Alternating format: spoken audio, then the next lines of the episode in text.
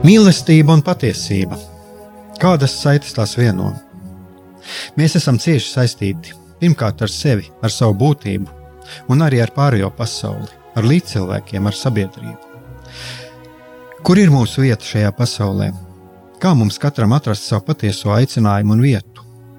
Kā sasniegt savas dzīves piepildījumu, mīlestību?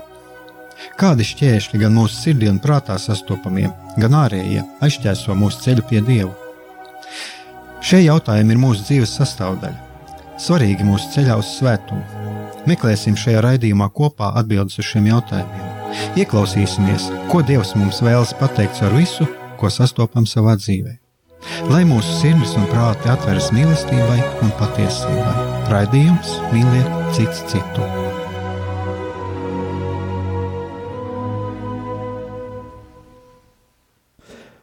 Lai top slavēts Jēzus Kristus, esiet sveicināti, darbie radioklausītāji. Studijā esmu atkal es, Aigars Brīsmanis. Šis ir raidījums Mīliet cits citu. Un eh, šodien es eh, vēlos parunāt par krīzi, par krīzi kā iespēju. Un eh, dažiem varbūt varētu tā šķist dīvaini, ka tagad Ziemassvētku laikā, kad mēs vairāk sastopam redzam apkārt tik daudz gaismiņas, redzam priecīgas, dzirdam priecīgas melodijas, redzam eglītes, izgraznotas, izgraznotas betlemītes. Kāpēc, kāpēc tāds, tāda tēma kā krīze? Un, um, faktiski es vēlos jau runāt to, ko es biju iecerējis runāt pagājušajā nedēļā, bet um, tā kā es uh, netiku uz raidījumu, bija cits raidījums, atkārtojums, tad uh, es vispār redzu, ka šī tēma ir aktuāla arī šodien. Un um, būtībā to tēmu es balstu to, ko es vēlos runāt, tas ir uh, adventa laika pāvesta viena no uzrunām, pēdējām uzrunām adventa pēdējā svētdienā, kur runāja pāvests, kur viņš arī runāja par šo krīzi, ko piedzīvoja Jāzeps. Un uh, kaut kādā ziņā, jā, šī tēma ir pateicīga tēma, jo, ja mēs paskatāmies vispār uz savu dzīvi, mm, nu vai nav tā, ka mūsu dzīve ir eh, viena krīze pēc otras. Lielākas vai mazākas krīzes. Un patiesībā jau, ja mēs paskatāmies arī uz Ziemassvētku laiku, tad nu, tieši kristīgā tradīcija, tieši kristīgā tradīcija eh, runā par krīzi. Un tas stāsts, ko mēs, eh, tas stāsts, ko mēs eh, redzam no evaņģēlija, un kas tiek eh, dažādos veidos mums pasniegts caur gadsimtiem, pamatā viņš jau arī runā par krīzi. Un, protams, ka mēs parasti Ziemassvētkus uh, vairāk sastopam, izdzīvojam un redzam bieži vien vairāk caur vizuāliem tēliem, tādiem uh, romantizētām Jēzus piedzimšanas ainām, un, un kas pēc būtības atspoguļo kaut ko mūsos pašos. Un, uh, es domāju, ka šis ārējais spožums, ko mēs redzam, tas atspoguļo to, ko mēs pēc kā mēs ilgojamies. Tās ir tās mūsu dziļākās vēlmes pēc eh, miera, pēc siltuma, pēc drošības, arī pēc stabilitātes. Tās ir tās vēlmes pēc tā, ka mēs eh, vēlamies, eh, vēlamies piedzīvot mīlestību, vēlamies justies mīlēti. Un patiesībā jau arī ir labi, ir labi, ja mums ir šī iespēja caur šīm vizuālajiem tēliem, pēc mm, izdzīvot, uh, iegūt kaut kādu mierinājumu. Un katrā ziņā mēs caur šīm ainām, ja mēs tās tā labi apzināmies, mēs kaut kādā ziņā pat saskaramies un apzināmies arī šī apsolījuma vērtību, šī dieva apsolījuma vērtību un mūsu mērķi. Un šīs eh, ainas ir kā atspulgs uz mums apsolīto, kā atspulgs no mums apsolītās mūžības. Taču tajā pašā laikā ir labi apzināties to, ka pirms apmēram 2000 gadiem, tad, kad piedzima Jēzus, Jēzus piedzima trūkumā. Tie bija salīdzinoši, savē, neteiksim, salīdzinoši, jā, tie bija skarbi apstākļi, un, uh, kur apkārt valdīja netaisnība, bija ļoti, ļoti liela nedrošība, un mēs arī redzam no evaņģēlī, kā, kādi šie apstākļi ir, kādas, ko nācās piedzīvot Jēzum svētajai ģimenei. Un cilvēki bieži vien izrādīja vienaldzību un ļoti lielu neiedomājumu cietsirdību. Un tātad, ja mēs tā paskatāmies un paskatāmies uz šiem uh, Ziemassvētku notikumiem, kas ir līdz mums atnākuši caur gadu simtiem, caur evaņģēliju tad mēs redzam, ka patiesībā, ja mēs tā iedziļināmies, mēs redzam, ka tas arī bija krīzes laiks. Tā bija krīze. Un tad ir arī vērts paskatīties uz mūsu šodienu, mums paskatīties pašiem savā dzīvē, un mēs arī atradīsim Un es domāju, ka mēs katrs atradīsim, ka arī mūsos ir, ka mēs arī piedzīvojam kaut kādu krīzi. Cits lielāku, cits mazāku, bet patiesībā jau uh, to, cik liela vai maza ir tā krīze, ko mēs pārdzīvojam, tas jau nu, ir īsti zināms tikai Dievam.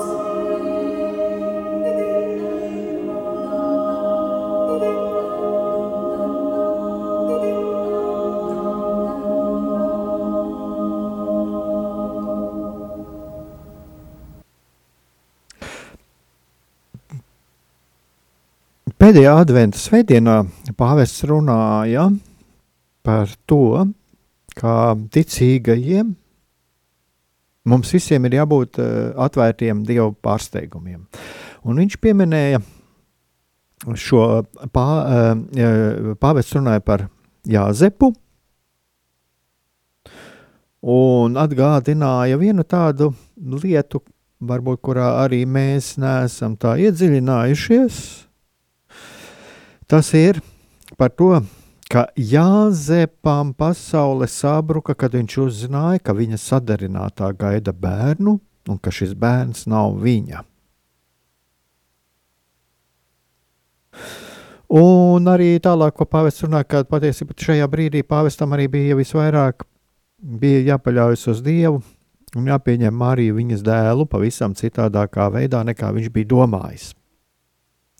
Un, protams, jūs ziniet visus šos uh, šos stāstus par, par sapņiem un par, par, par eņģeļu parādīšanos un kā, visi, kā šīs lietas visas notika un, un kādā ceļā Jāzeps nonāca pie tā, kad viņš pieņēma Mariju, viņš pieņēma, pieņēma Jēzu, un viņš pieņēma arī caur šīm šaubām, un par šaubām arī es esmu jau šeit runājis arī par to, kā nebaidīties no šaubām, un kas spēja šaubīties, mums ir arī dāvana. Un, lūk, un Jā, Jāzeps visu to, to, to izlietoja, ja tā var teikt, lai pieņemtu Mariju. Bet eh, ko es šeit saskatu šajā šajā stāstā un arī tajā, ko atgādina pāvests, un es domāju, arī neviens no jums ir dzirdējuši arī, arī šajā laikā, šā laika spredi, sprediķos. Tas ir tas, ka mēs esam aicināti būt atvērtiem Dieva pārsteigumiem, bet mēs esam aicināti būt nobrieduši pārsteigumu gaidītāji. Un ko tas nozīmē? Tas nozīmē to, ka mēs varam piedzīvot pārsteigumus un dzīvē pavērsienus tādus, kādus mēs neesam gaidījuši. Mēs varam piedzīvot tādas lietas, kuras mums pirmajā brīdī var šķist nepatīkamas. Un viņas arī reāli ir nepatīkamas. Jo piedzīvot vilšanos, tā kā Jāzepam, kad viņš pēc sava priekšstata, viņam bija savs priekšstats par, par ģimeni, par, par Mariju, par, par viņa laulības dzīvi,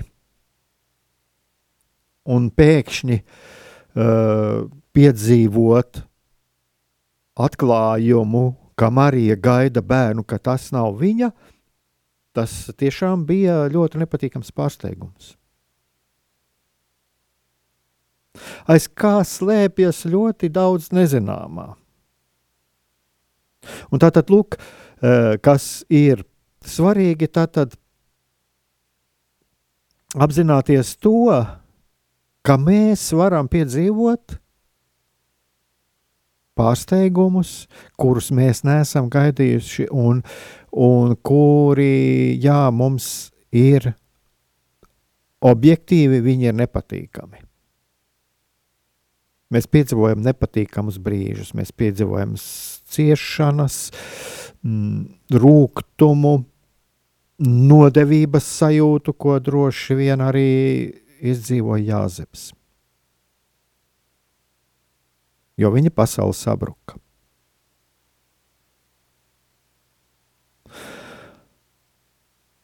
Un tad, ko tādā gadījumā mums darīt?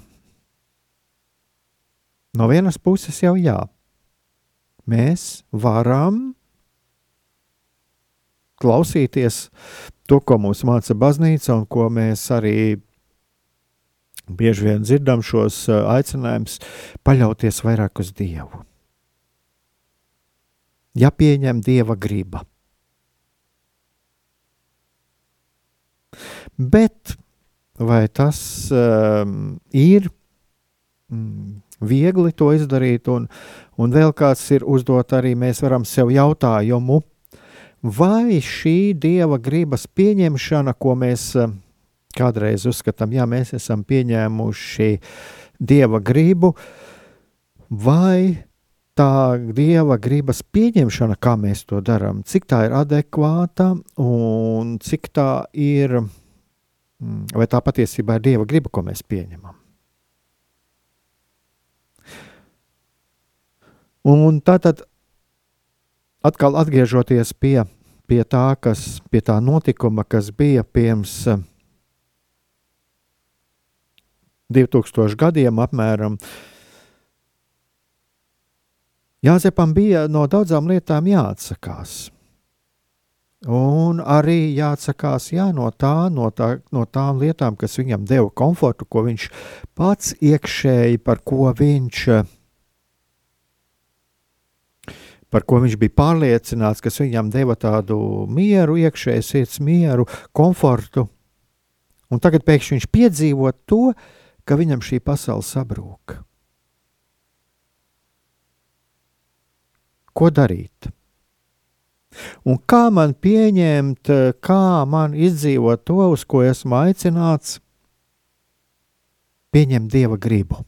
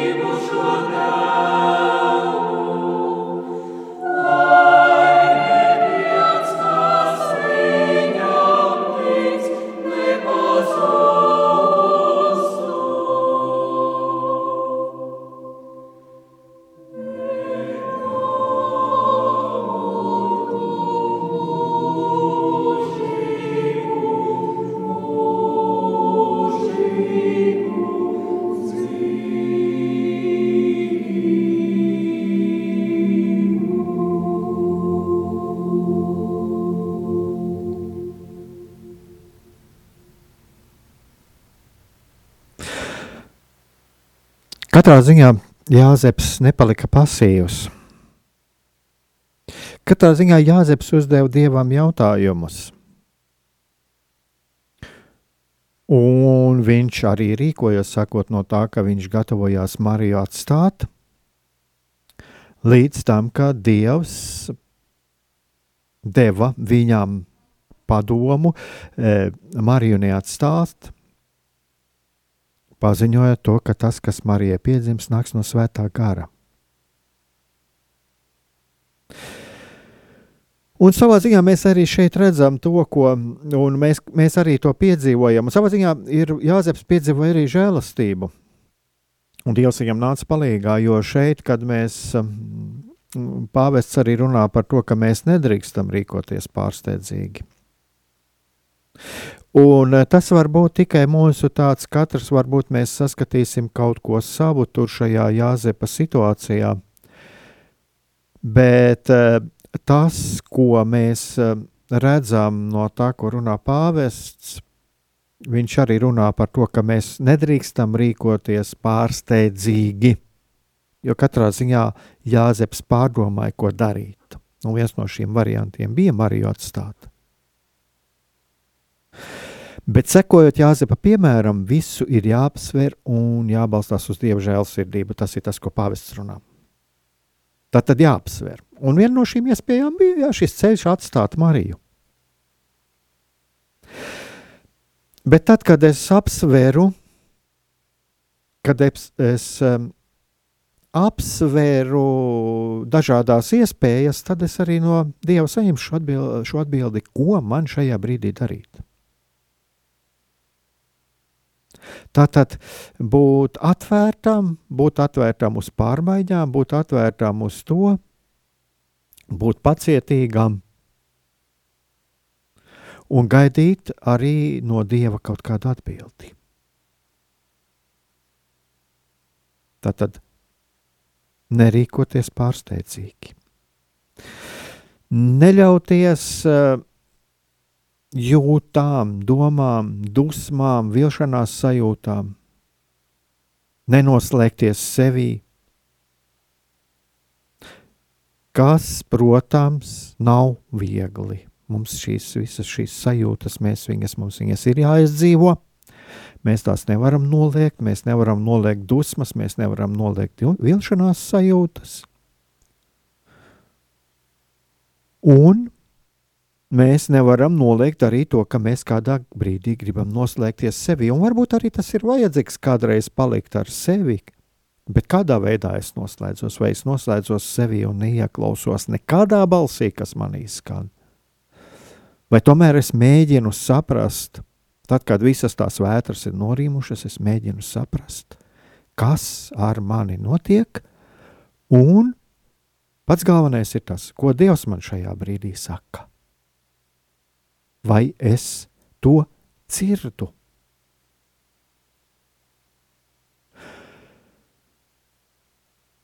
Un tagad, atgriežoties pie šīs situācijas, kādā bija Jēzus, Jēzus bērns, kad viņš piedzima, savā ziņā viņš nāca mūsu dzīvē, viņš nāca mūsu dzīvē krīzes situācijā. Es domāju, ka daudz no mums ir dzirdējuši to, ka jā, ir um, baznīca runā, un kristīgajā tradīcijā arī tas tiek atgādināts, uh, ka uh, Dievs nepiedzima pilīs, viņš nepiedzima kaut kādos sociāli nodrošinātos apstākļos, bet viņš piedzima tad, kad viņa ģimene tika nepieņemta. Viņš piedzima kūtiņā. Viņš piedzima, un tas ir viens noslēpums, viņš piedzima, lai dalītos ar mums visā lai viņš, dzīv, lai viņš dalītos arī šajā augstumā, šajā nedrošībā, šajās, šajā nestabilitātē. Un nekad mēs nevarēsim arī līdz galam to saprast, kāpēc tas tā notika. Ir dažādi skaidrojumi, ka Dievs, kas mūs mīl, viņš, jā, un katrā ziņā tam ir savs pamats, ka Dievs, kas mūs mīl, Viņš ļauj mums pašiem izaugt, viņš ļauj mums pašiem iziet cauri dažādiem pārbaudījumiem, cauri dažādām krīzēm, lai mēs pieaugtu, lai mēs um, kļūtu stiprāki, lai mēs kļūtu patstāvīgāki.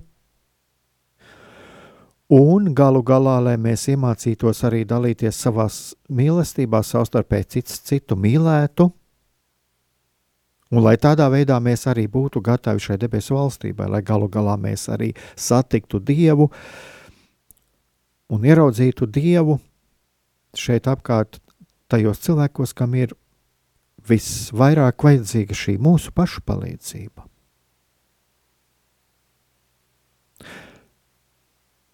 Un es domāju, dārgie radioklausītāji, ka katram no jums ir sava dzīves situācija, sava krīze. Citam tā ir, Jāzepam tā bija sava krīze, Marijai arī bija krīze, Jēzus bērns arī piedzima sava veida krīzē, un mums katram tā ir sava, citam lielāka, citam mazāka. Un mēs esam dzirdējuši arī par Ziemassvētkiem. Es domāju, daudz no mums ir dzirdējuši, ka Ziemassvētki daudziem cilvēkiem ir vientulības laiks. Viņi jūtas vientuļi. Un um, vispār es pat domāju, tā, ka mūsu kultūrā savā ziņā ir radīts tāds diezgan virspusējs skatījums uz Ziemassvētkiem, kas pēc būtības ir maldīgs. Ziemassvētki kā ģimenes svētki. Un to vēl pastiprina šī mūsu laika populārā kultūra. Un te gan es atkal vienu lietu gribu teikt, ko es šķiet pagājušajā gadā runāju, ka ir ļoti labi, ka mums ir šī populārā kultūra. Ļoti labi, ka mums nav šī, teiksim, tāda mm, teokrātiska režīma, kurš ieliktu visu vienā rāmī, un ka tagad obligāti būtu visur tikai Jēzus silītes un tā tālāk, ka būtu visur tikai obligātie kristīgie simboli un obligātais kristīgais noformējums. Nē, tas ir tā, mēs, tā nevajadzētu būt, jo mums ir šī brīvība tas, kas notiek tagad mums, mūsu sabiedrībā, savā ziņā arī liecība par to, ka Dievs savā mīlestībā mums pašiem dod iespēju izvēlēties. Viņš ir mums devis šo brīvību, izvēlēties, doties pie Betlēmītes vai, vai doties šajā iepirkšanās drucī. Mēs esam radīti brīvi. Bet tagad, atgriežoties pie šīs vientulības sajūtas, Jā, kāpēc es runāju par šo? Ka maldīgais, tas ir šis maldīgais priekšstats patiesībā kā Ziemassvētkiem, kā ģimenes svētkiem. Un tajā brīdī, kad mēs to uzsveram, tiem, kam mums ir šīs ģimenes un kam jā, mums ir savā ziņā paveicies, neaizmirsīsim tos, kam šīs ģimenes nav. Un es pats esmu saskāries ar šiem cilvēkiem, kuriem ir šie svētki, ne tikai Ziemassvētki, bet vispār tādi svētki, kuros parasti sanāk ģimenes kopā, kuriem ir, jā, tas ir tāds vientulības laiks, kad viņiem gribās aizbēgt, ieslēgties sevi un neko neredzēt. Jo viņiem, lūk, nav šīs ģimenes. Kad apkārt ir visu šī, šī, šīs gaismas, šie, šīs visas šie attēli, šie vizuālie tēli, lūk, šie cilvēki jūtas vientuļi. Un tāpēc Ziemassvētki nav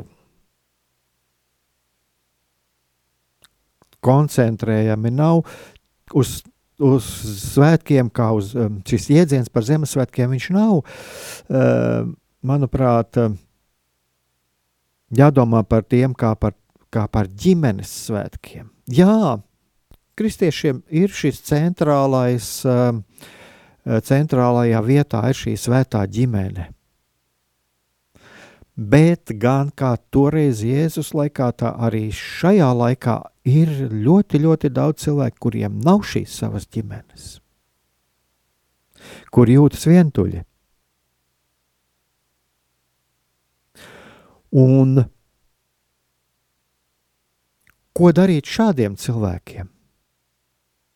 Ko darīt tiem, kas jūtas vientuļi?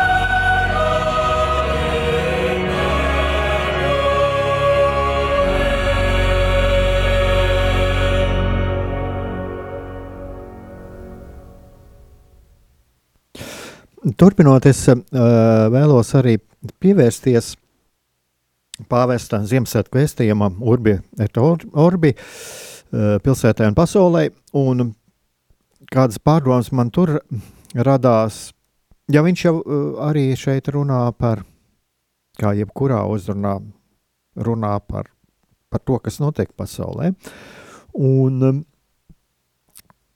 viņš arī runā par tādu lietu, kā Ziemassvētkiem, Ziemassvētkiem ir jābūt mm, jāļauj mums, lai mūs atvier, at, atmirdzētu, e, kā pāvis runā, tāpat kā Betlēmes gani, ļausim gaismai mūs apmirdzēt un iesim skatīt Dievu doto zīmu. Un viņš arī runā par šiem traucēkļiem, par šiem garīgā miega stīvumu un nepatieso svētku svinēšanas tēlu, par nepatiesiem svētku svinēšanas tēliem. Un, un pāvests tātad tajā runā, ka arī atteikties no burzmas, kas nomāca sirdi.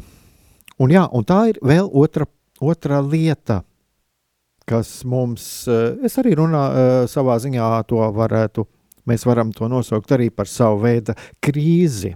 Jo kāpēc? Burzma un daudzas lietas ir tās, kuras mums nedod šo mieru, šo patieso mieru un apmierinājumu. Ziemassvētki kā pienākums. Vai daudziem Ziemassvētkiem mums nav kā pienākums, kurš patiesībā mūs nogurdina? Dāvanas, burzma. Savā ziņā es to saucu par tādu komercializētu saulgriežu laiku. Un kā jau atkal es vēlos atgādināt to, ka uh, ir labi, ka tāds ir. Jo tas parāda to, ka Dievs ir dod mums šo izvēli, šo brīvie, brīvo izvēli. Jo neviens to mums neuzspiež. Tā ir mūsu pašu izvēle.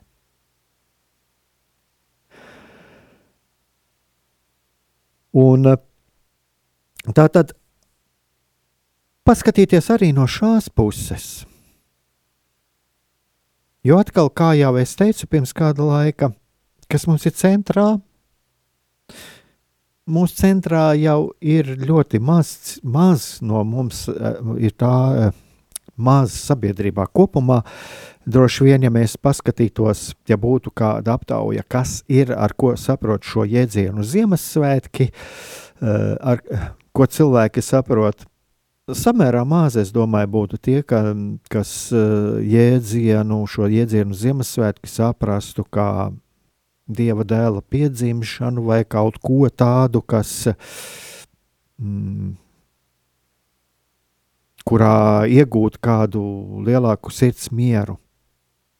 Protams, man nav statistikas nekādas, bet savā ziņā mēs varam padomāt arī, vai mums kādreiz Ziemassvētki nav kā kaut kāds pienākums, kā kaut kas uzspiests, kur, nu jā, tā ir tradīcija, ir jānopērk šī dāvana, lai būtu labs kāda acīs un un uh, burzmas, veikali, iepirkšanās un tā tālāk. Bet vai tas ir tas, vai tas ir tas, kas mums, uz ko Dievs mūs aicina? Jā, pats par sevi ir labi, ja mēs pērkam dāvanas, ir labi, ja mēs ar viņām dalāmies, un ja to mēs darām ar prieku no sirds, ir labi, ja mēs eh, ar prieku no sirds saņemam šīs dāvanas. Bet kā atgādina arī Pāvests tāda tieši Jēzus mums, kā kristiešiem, ir tas, ir tas mūsu miers un tas, caur kuru mēs iegūstam šo mieru. Mēs iegūstam to mieru, ko pasaule nevar dot. Bet ko ir mums devis Tēvs, ko mums ir debesu Tēvs devis? Sūtot pasaulē savu dēlu.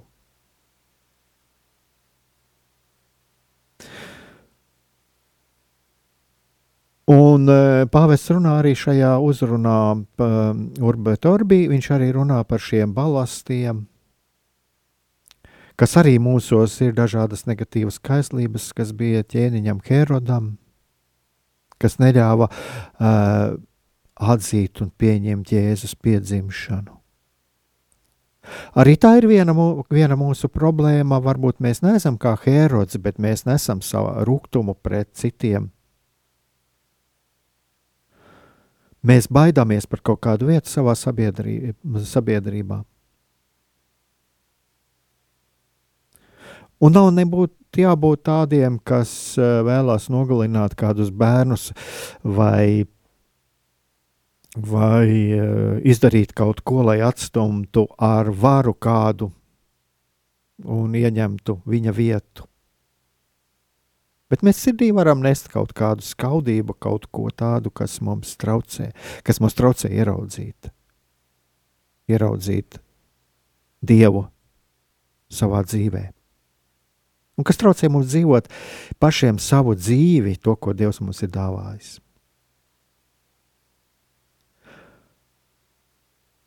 Un lūk, ja mēs tā paskatāmies, tad uh, savā ziņā mēs dzīvojam, mēs dzīvojam visi kaut kādā krīzes situācijā uz vienu vai otru pusi. Un no tā nav jābaidās. Jo, ja mēs šo piedzīvojam, tas nozīmē, ka, un ja mēs to apzināmies, Tas nozīmē, ka Dievs kaut ko mums vēlās caur to teikt. Dievs vēlas mums pavērt kādus vārtiņus. Un, ja mēs ieraugām krīzi kā kaut ko tādu savā dzīvē, un ka mēs apzināmies to, ka Dievs, jā, Dievs ir pieļāvis šādu krīzi, tad tam ir kaut kāds mērķis. Tam ir kaut kāds mērķis, kaut kas, kas eh, ir Dieva plānā, Dieva mīlestības plānā attiecībā pret mums. Thank you.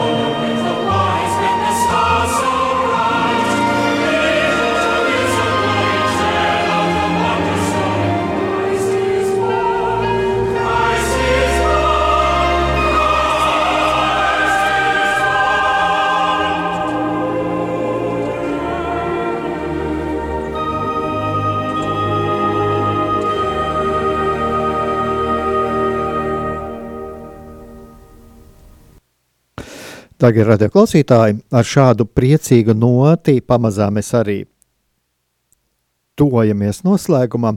Un e, šeit man atnāca viens klausītāja komentārs krīze, bīstams, sarežģīts, smags pārējais stāvoklis, arī asa vērtību nepie, nepietiekamība un tā tālāk medicīnā pavērsiens slimības gaitā. Tas ir atsauce uz kādu uh, vārnīcu.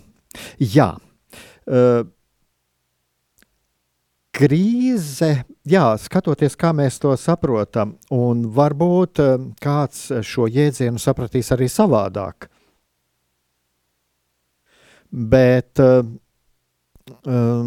es šajā gadījumā runāju par krīzi, ko mēs izjūtam, jo uh, varbūt kāds to varētu nosaukt citādāk šīs izjūtas, bet es domāju, ka krīze tas ir savā ziņā ir, man, es to vismaz vislabāk saprotu, un tas varētu būt tāds sava veida, sava veida precīzs uh, apzīmējums, jo, ja mēs skatāmies no vēstures, mēs zinām ekonomiskās krīzes, mēs zinām dažādas krīzes, kas vairāk mēs jā, tiešām zinām ekonomiskās, politiskās krīzes, kuras, kuru rezultātā atklājās kaut kādi kaut kādas nepilnības, un kuru rezultātā varēja atrisināt kaut kādu problēmu, lai tālāk nākotnē šī krīze neatkārtotos. Es runāju par šādu lietu. Ja. Un es nekādā gadījumā.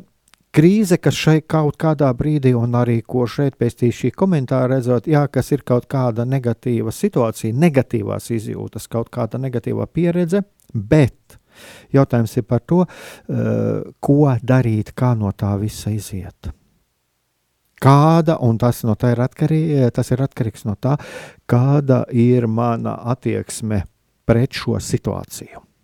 Kām, protams, ir šīs, lai to visu izdzīvot, tur ir vajadzīgs laiks un ir vajadzīgs arī kaut ko ieguldīt no sevis. Bet tagad es vēlos, jā, jau tā kā redzējums tuvojas noslēgumam, nu, ko tad darīt ar šo krīzi? Ko tad darīt, kad mēs piedzīvojam, un mums ir uh, kaut kādas situācijas, kuras mums traucē, traucē izdzīvot pilnībā savu dzīvi, traucē ieraudzīt Dievu, traucē ieraudzīt šīs iespējas, ko Dievs mums vēlās dot. Uh, Kas man ienāk prātā? Mēs katrs varam atrast kaut kādu savu ceļu, bet viena no lietām, kas man ienāk prātā, ka mēs arī varam kliedēt savu vientulības sajūtu vai arī šo komercdienu satraukumu. Vienkārši palīdzot kādam, kam, kuram tas šobrīd ir varbūt vajadzīgs. Mēs to varam kliedēt, atrodot kādu līdzīgu cilvēku, kādu kam ir līdzīgas uh, situācija, ar ko padalīties. Mēs varam meklēt kādu kopienu. Katrā ziņā tas, uz ko es aicinātu, ir iziet no mājām, iziet no turienes, no šīs situācijas, kurā mēs atrodamies, spēt kādu soli ārpus šīs situācijas. Un to mēs varam darīt Kaut vai izejot ārpus mājas, ejot kādā pastaigā, dodoties kaut kur, izmantojot laiku, mainot vidi. Kristiešiem, katoļiem un citiem iespēja aiziet, varbūt aiziet uz kādu baznīcu, apstāties Betlēmītas priekšā, nostāties uz ceļiem Betlēmītas priekšā un pajautāt Dievam, ko viņš šajā brīdī man vēlās pateikt. Ko Dieva, ko Jēzus bērns man saka šajā situācijā, manā dzīves brīdī. Un, ja mēs skatāmies, atgriežamies pie svētās ģimenes, tad mēs arī tur varam nonākt pie viena secinājuma, ka svētā ģimene šīs savas dzīves krīzes izdzīvoja ar cieņu. Izdzīvoja šīs grūtības ar cieņu, un izdzīvoja tāpēc, ka viņiem bija šī ticība, cerība un mīlestība. Tie ir tādi tikumi, kas ir katram vajadzīgi, kas ir vajadzīgi arī mums. Bet, lai to izdzīvotu, kas ir svarīgi, svarīgi ir izlūkt no Dieva sirds mieru. Un tāpēc, lai kur mēs atrastos un lai kādā situācijā vai vietā mēs, bū, mēs esam šobrīd, atradīsim mirkli palikt klusumā kādu brīdi. Paliksim brīdi klusumā un ieklausīsimies savas sirds balsī. Kas ir tas, pēc kā es sirds dziļumos ilgojos? Kādas domas manī rada dziļu un paliekošu mieru? Un kādas iespējas manā dzīvē Dievs man parāda šeit un tagad, un manā turpmākajā dzīvē? Kas ir tas, ko Dievs man vēlas pateikt un caur ko viņš mani uzrunā visvairāk. Lai mums visiem priecīgi Kristus piedzimšanas svētki un daudz prieka un svētību nākamajā gadā.